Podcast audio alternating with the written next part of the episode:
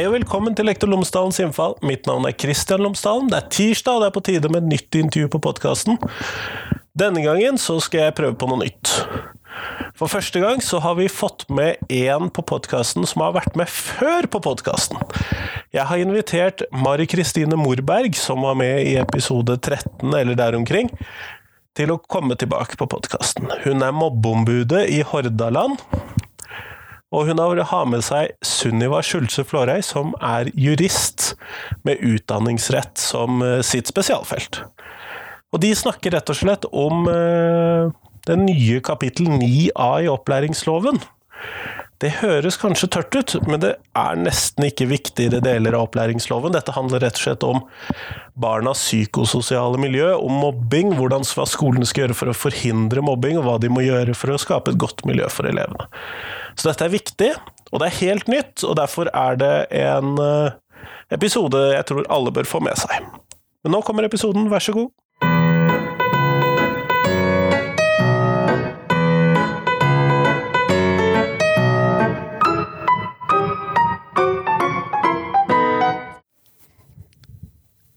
Tusen takk for at dere har eh, kommet for å prate med meg i dag. Takk for at vi får lov til å komme. Eh, I dag så sitter jeg her for første gang, så har jeg noen som jeg har pratet med før. Mari Kristine Morberg, som er mobbeombud i Hordaland.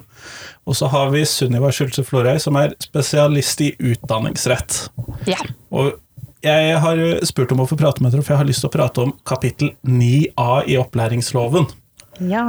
Men da er spørsmålet selvfølgelig hva er kapittel 9a? Skal jeg begynne? Ja. ja.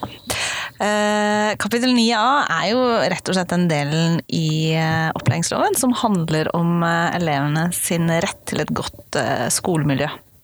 Så er det mange som kaller det for elevene sin arbeidsmiljølov, da, ikke sant.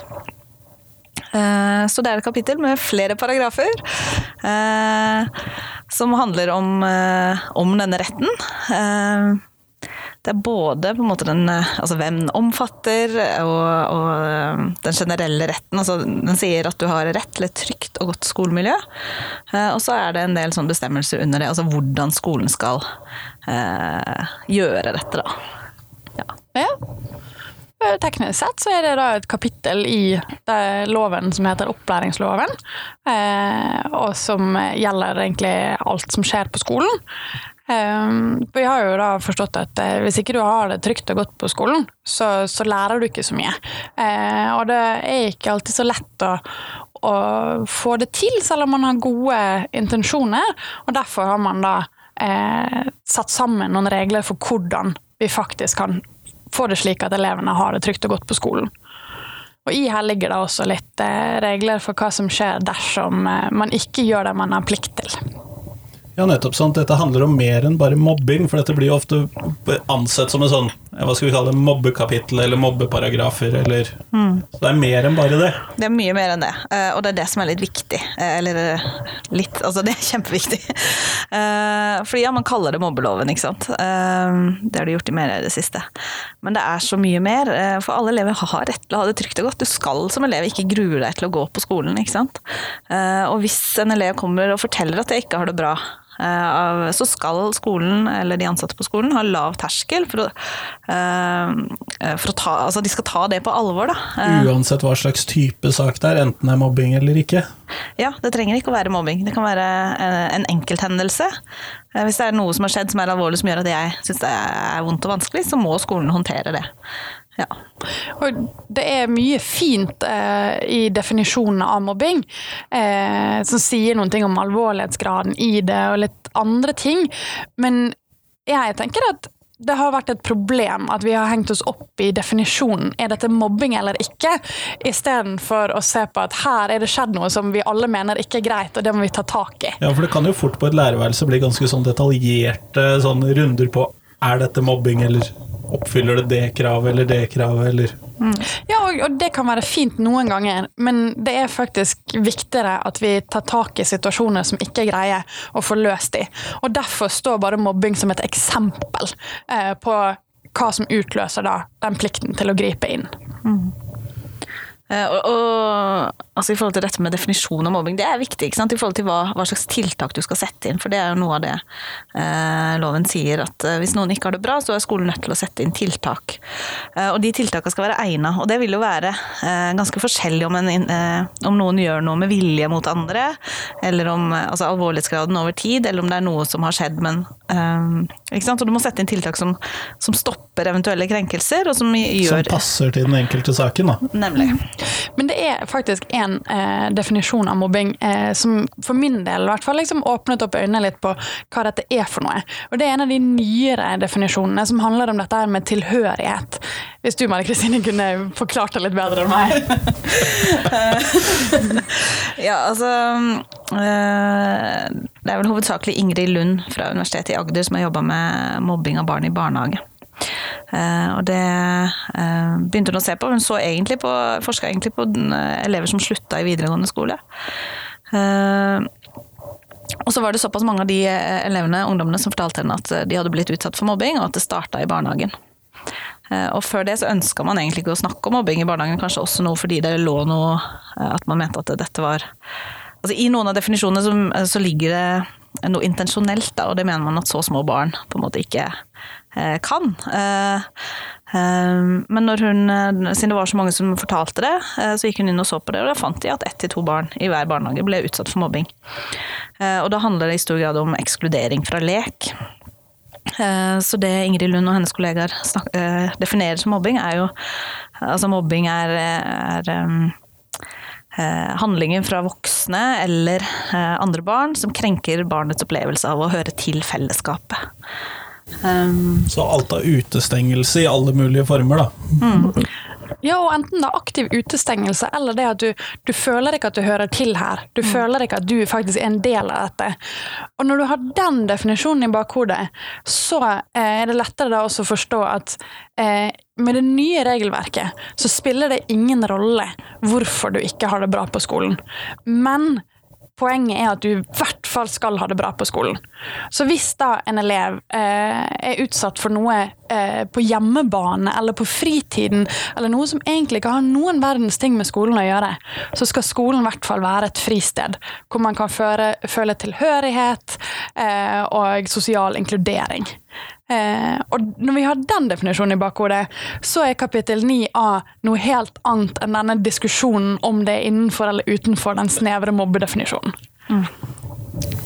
Ja, så det, det, viser tydelig ganske, en ganske videre lov da, enn hvordan vi lærere kanskje oppfatter den som når man leser overskriften og leser sånn tilsendt materiale om den.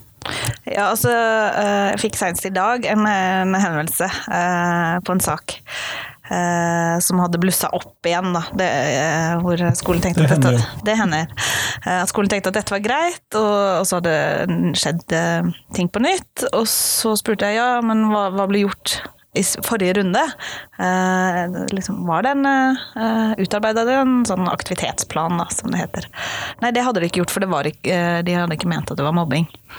Eh, og så ble det sånn eh, Nei.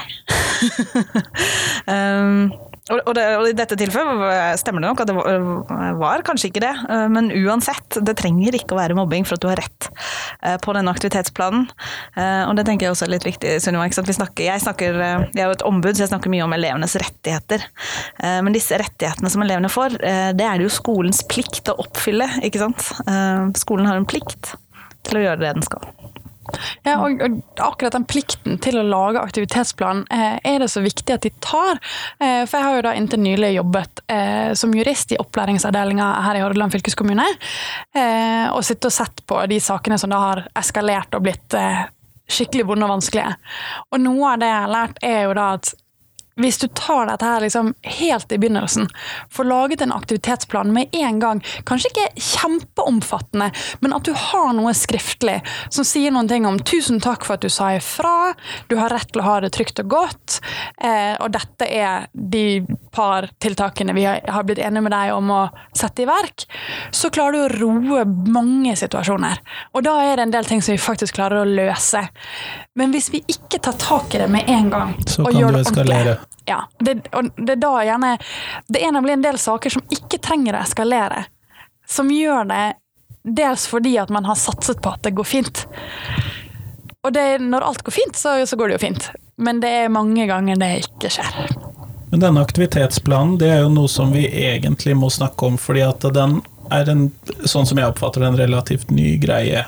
Før så hadde vi disse enkeltvedtakene som skolen måtte fatte når vi oppfattet at det var noe problematisk, og så eh, fattet man et vedtak, og som når dette kom, denne loven kom, så oppfattet jeg dette som tar man ikke fra elevene rettigheter her, fordi at når man da ikke lenger kan vise til dette store, tunge vedtaket og ha det å slå i bordet, så skjer det jo ingenting. Jo, jeg er helt enig i den kritikken som kom fra en del, blant annet eh, den her eh, Nå husker jeg ikke hva de heter, dessverre, men det er en foreldreforening eh, for barn som har vært utsatt for mobbing, og de var særlig sterke i kritikken. Og det er en del ting i det som, som, er helt riktig.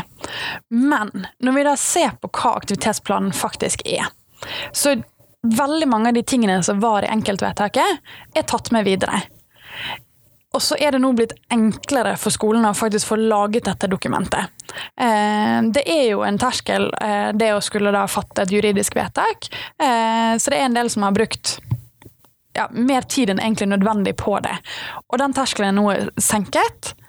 Så jeg tror at det er en del som, flere som da vil få en aktivitetsplan, som ville hatt rett på enkeltvedtak før også, men kanskje ikke da fått det. Og det vi må huske på, er at dersom skolen ikke har tatt tak i saken innen fem virkedager, eller det er en ekstraordinær eh, spesiell sak, så kan man ta kontakt med Fylkesmannen med en gang. Og de kan fatte enkeltvedtak. Så sånn sett så, så er elevenes rettssikkerhet noe endret, men den trenger ikke nødvendigvis ha blitt dårligere. Selvfølgelig, da må de faktisk tørre å ta kontakt med Fylkesmannen. Men eh, de som jobber hos Fylkesmannen, er veldig flinke på dette. Veldig gode på det. Du kan sende melding eh, via et sånn elektronisk skjema de har. Du kan ringe de.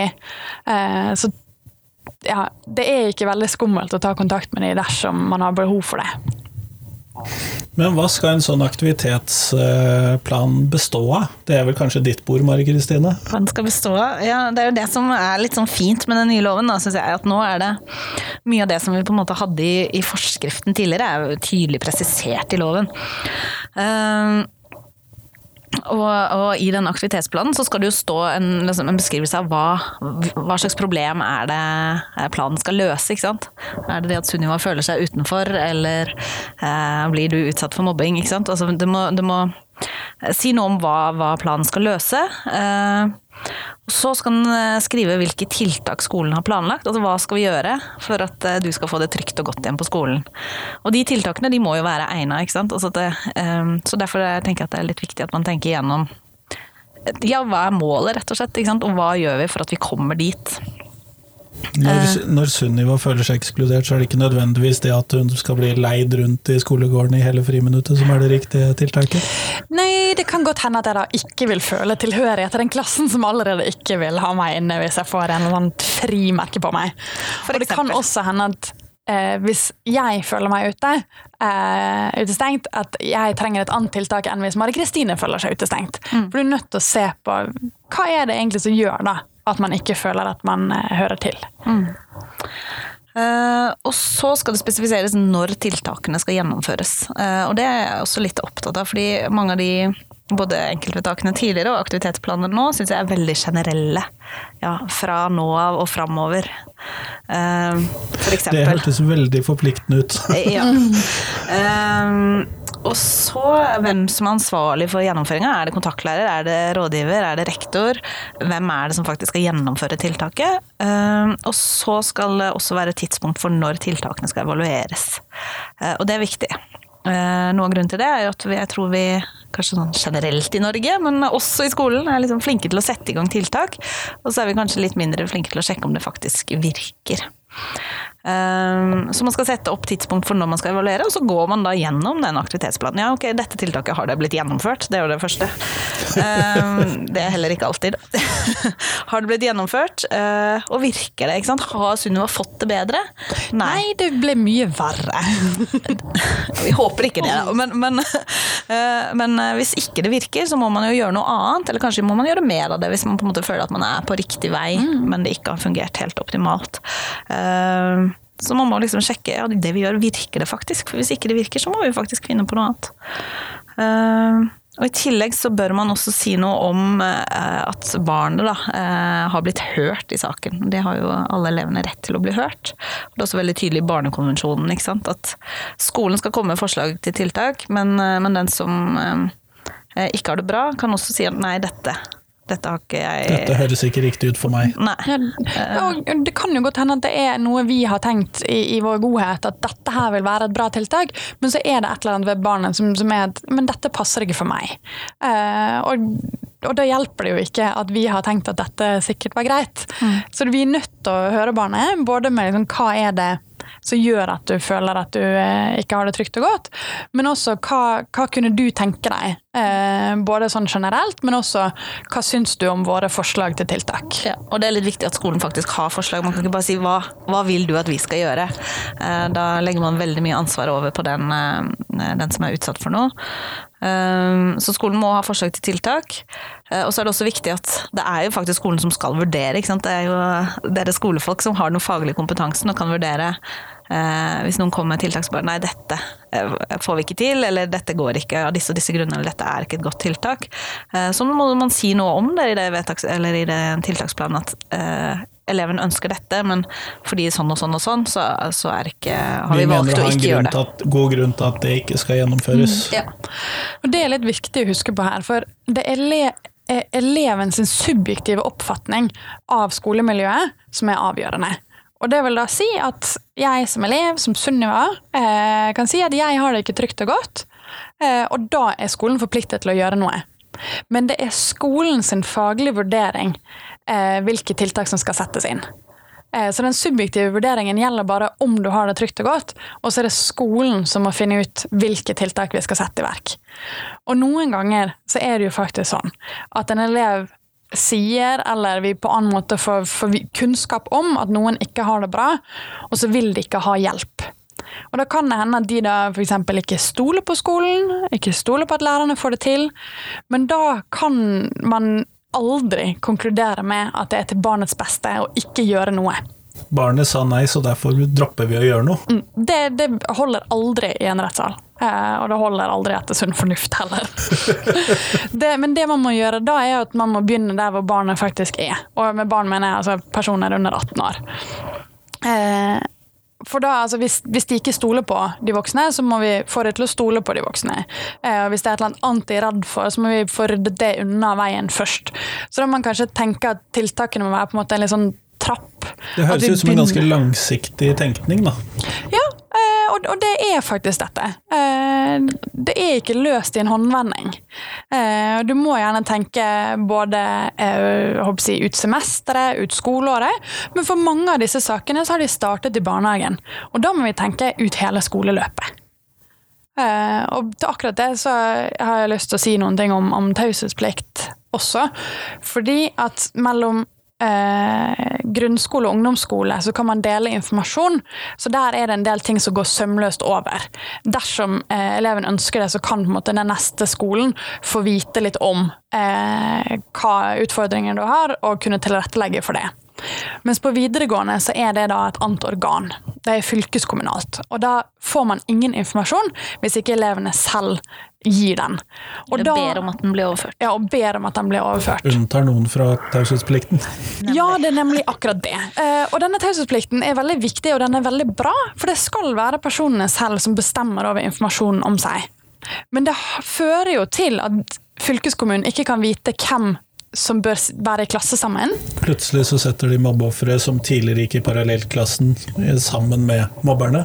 Ja, for har man søkt samme skole og samme program og har eh, poeng til å komme inn der begge to, så, så er det ingenting fylkeskommunen kan gjøre for å hindre det, eh, hvis ikke man får beskjed på forhånd. Så overføringsmøter er lurt. Ta kontakt med rådgiverne på ungdomsskolen eh, for å se på muligheter her, og vurdere hvilken informasjon man ønsker å gi og ikke. Men da er jo spørsmålet, hvem er det som har ansvar for å sette i stand et sånt overføringsmøte? Er det skolen som ved rådgiver eller klassekontakt eller hvem det nå er, eh, eller er det foreldrene til eh, denne mobbede eleven som da har ansvar for å sørge for at det skjer et sånt overføringsmøte? Overføringsmøter er vel egentlig bare lovpålagt når det gjelder spesialundervisning og sånne type tilrettelegginger. Eh, jeg kan i hvert fall ikke nå komme på eh, hvor man kan hjemle det på, på psykososialt skolemiljø. Man kan ha overføringsmøter når det, når det er inntak på spesielle vilkår òg, da. Eh, men eh, jeg vil anbefale foreldre og elever i ungdomsskolen til å ta kontakt med rådgiver og spørre om hvordan dette gjøres.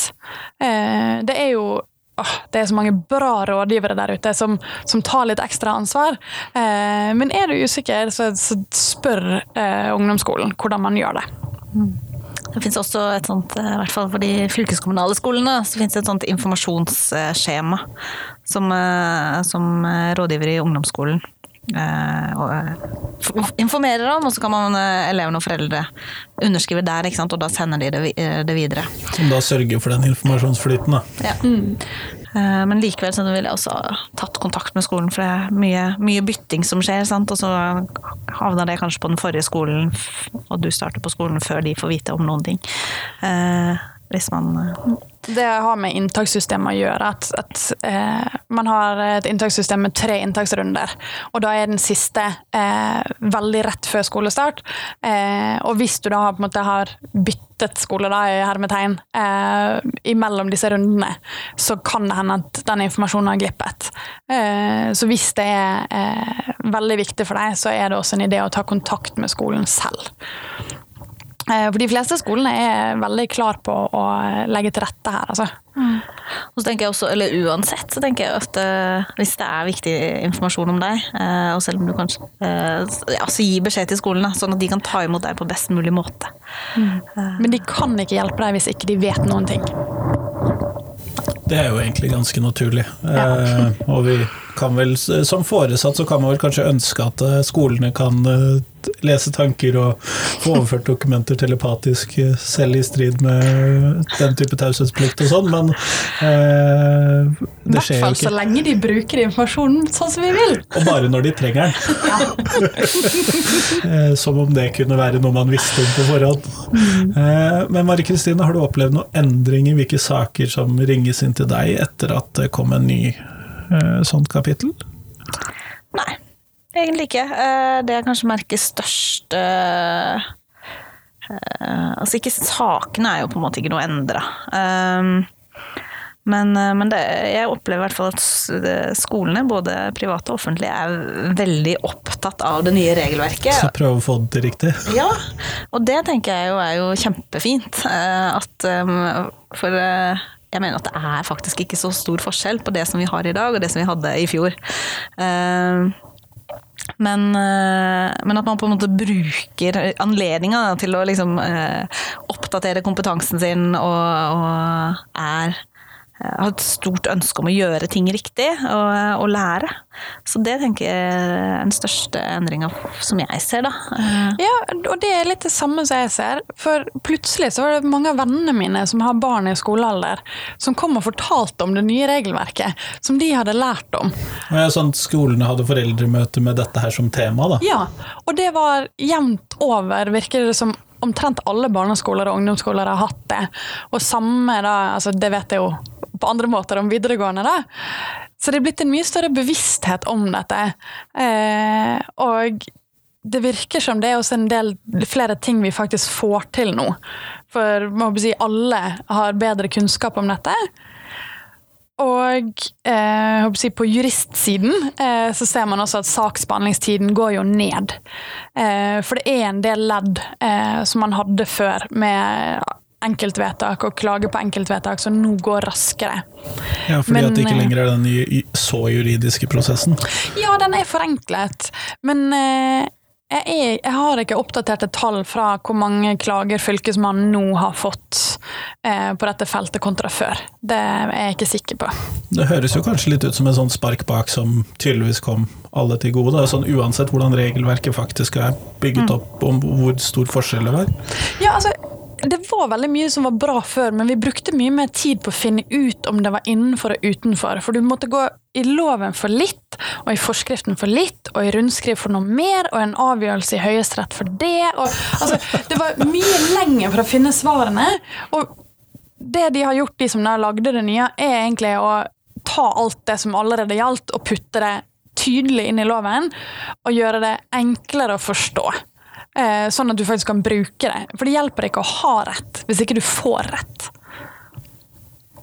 Eh, men det er én ting som jeg er litt nysgjerrig på, som jeg syns er litt vanskelig eh, med dette regelverket, Marie Kristine. Og det går på dette med denne subjektive opplevelsen. Mm. Fordi at jeg opp, eh, Gitt at man, hvis vi da tar en elev som ikke nødvendigvis har alle sosiale Er ikke like god til å vurdere sosiale situasjoner, f.eks. Mm. Og som kanskje oppfatter at man er utestengt, selv om man deltar lik linje med de andre. Og så melder man inn da det som en sak. Mm. Og så må jo skolen da tydeligvis agere på dette. Mm. Eh, selv om eleven da er med på leken sammen med de andre. Hvordan mm. gjør man det? For det, det, føles jo da litt sånn eh, Det ser i hvert fall litt rart ut sånn fra lærerhold, da. Hvis ja. den subjektive vurderingen er det eneste som teller. Ja, altså når, når du får, eh, får, en melding da, om at en elev ikke har det bra, så, så det første som, sant, Den aktivitetsplikten da, som vi snakker om her i paragraf 9 av 4, eh, den består jo av flere delplikter. Eh, og Den første er jo å følge med. ikke sant? Alle dere som er ansatt i skolen har en plikt til å følge med på skolemiljøet og på at alle elevene har det bra. Um, og så hvis du ser at noe skjer, så må du jo gripe inn i situasjonen, selvfølgelig. Ja, det, det uh, håper jeg vi alle gjør. Ja, uh, men, men, ikke alltid, for det, det skjer ganske mye. Um, altså fysiske ting har jeg inntrykk av, men f.eks. sånne verbale krenkelser. Um, eller kroppsspråk og blikk og uh, altså griper man inn i alt det, ikke sant. og det er kanskje noe som man tenker at ja, det må man tåle én eh, gang, kanskje.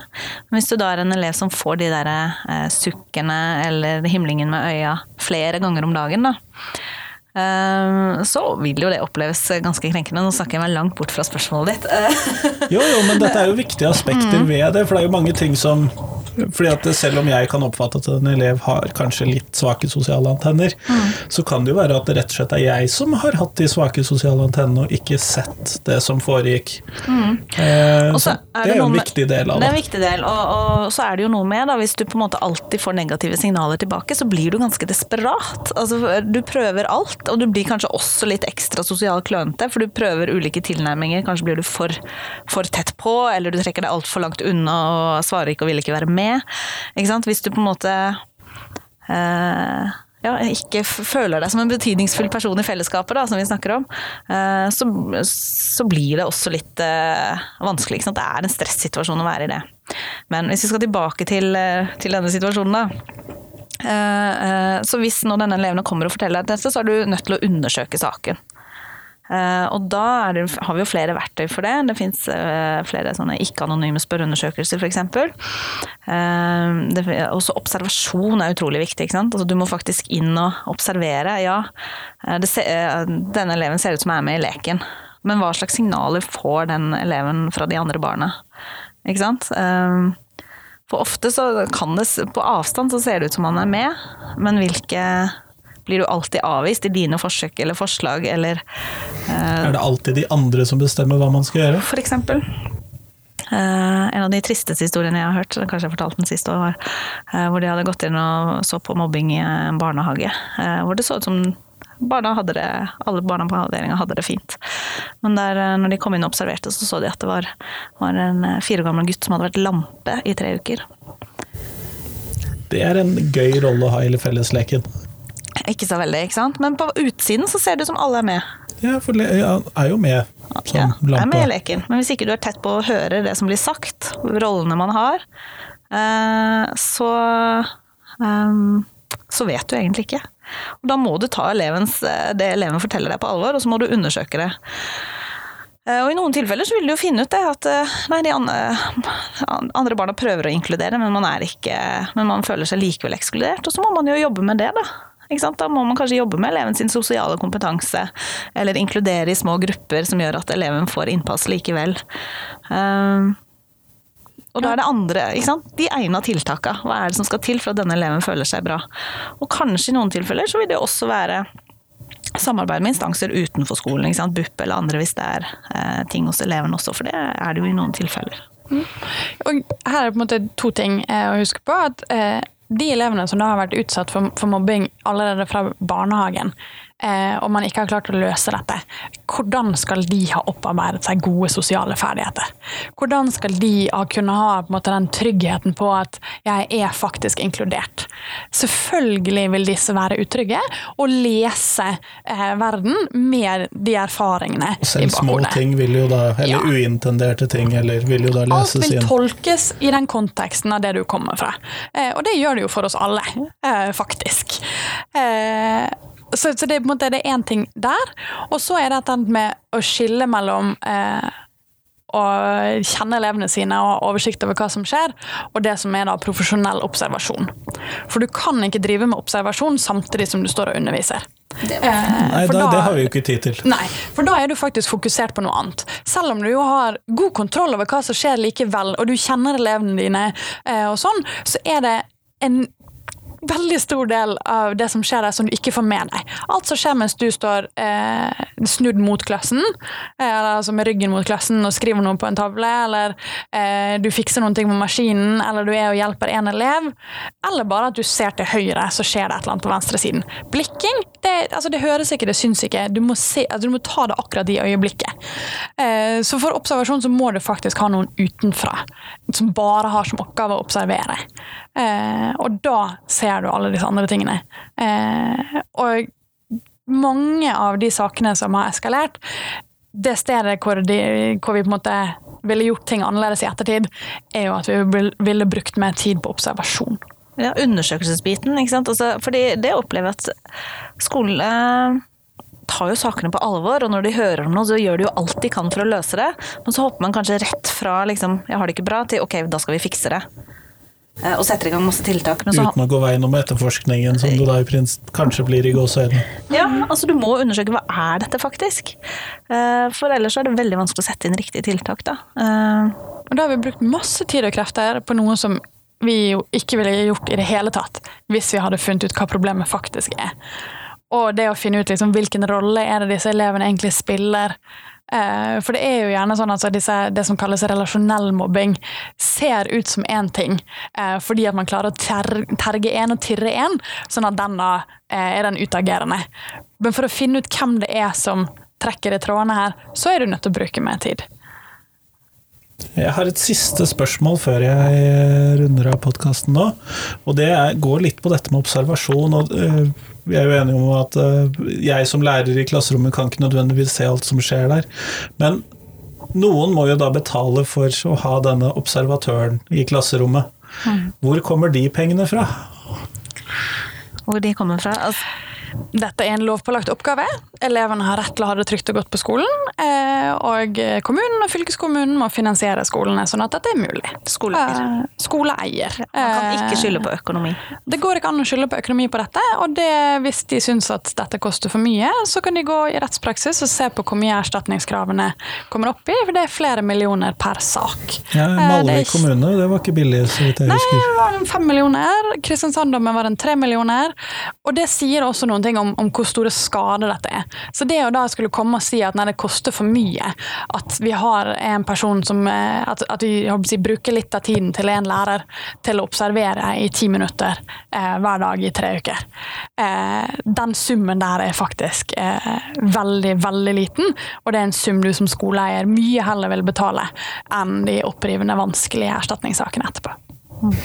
Tusen takk for at jeg fikk Ja, du kan, Kan jo slenge si noe! Ja, fordi, fordi du spurte hva er kapittel 9 av nå. Vi snakka veldig mye om kapittel 9 av 4. Og så vil jeg bare nevne at det er mer i kapittel 9 av. Det er jo eh, også dette systematiske forebyggende arbeidet. ikke sant? At skolen skal jobbe kontinuerlig. De skal ha en plan, de skal risikovurdere. Eh, hvordan står det til på skolen vår i år. Og det er kjempeviktig, det systematiske forebyggende arbeidet. Og så det som også er nytt, er jo kapittel, eh, altså den paragrafen 9 av 5 som handler om voksne som krenker elever. Eh, Den er også viktig. Og så har vi vært litt inne på dette med at- vi føler at sko- eh, det er også kommet inn en informasjonsplikt. Eh, Skolene er pålagt å informere om at kapittel 9a fins, og at elevene har rettigheter. Og i den informasjonsplikten så er det også en involveringsplikt for diverse utvalg. Elevrådet, skolemiljøutvalget og litt sånn foreldre skal også inn i dette arbeidet. For alle som har noe med skolen å gjøre, skal bidra i eh, hvordan vi skal skaffe et trygt og godt skolemiljø. Eh, og I tillegg til dette så inneholder kapittel 9a strengere krav eh, til skoleeier, eh, med mulighet for tvangsmulkt, erstatningskrav og bevisregler er tatt inn der. Og så er også ordensreglementet tatt inn der. Sånn at man nå lettere ser en helhet mellom hva det er som forventes av atferd, hvordan uønsket atferd kan sanksjoneres, og hvordan man da kan sette inn tiltak sånn at de har det trygt og godt. Sånn at det er mye mer fokus på å ta det før det blir til saker, da, med andre ord. Det er jo det jeg hører med dette, at det skal strukt, man skal Ja. ha utvalgene inn, man skal uh, se på strukturene og se på hele miljøet. miljøet. Man skal forebygge, ikke reparere. Ja, flott. Det, det, det er jo ting jeg kan sette pris på. Det er jo så dyrt å fikse disse barna. Ja, og det er så unødvendig eh, hvis vi får noen gode verktøy heller til å, å sikre at de har det trygt og godt fra begynnelsen av. Eh, vi trenger ikke ende opp med alle disse sakene hvor det ikke gikk så bra. Tusen takk for at eh, jeg fikk prate med dere i dag. Takk for at du vil prate med oss. Og takk for at du vil prate om dette temaet.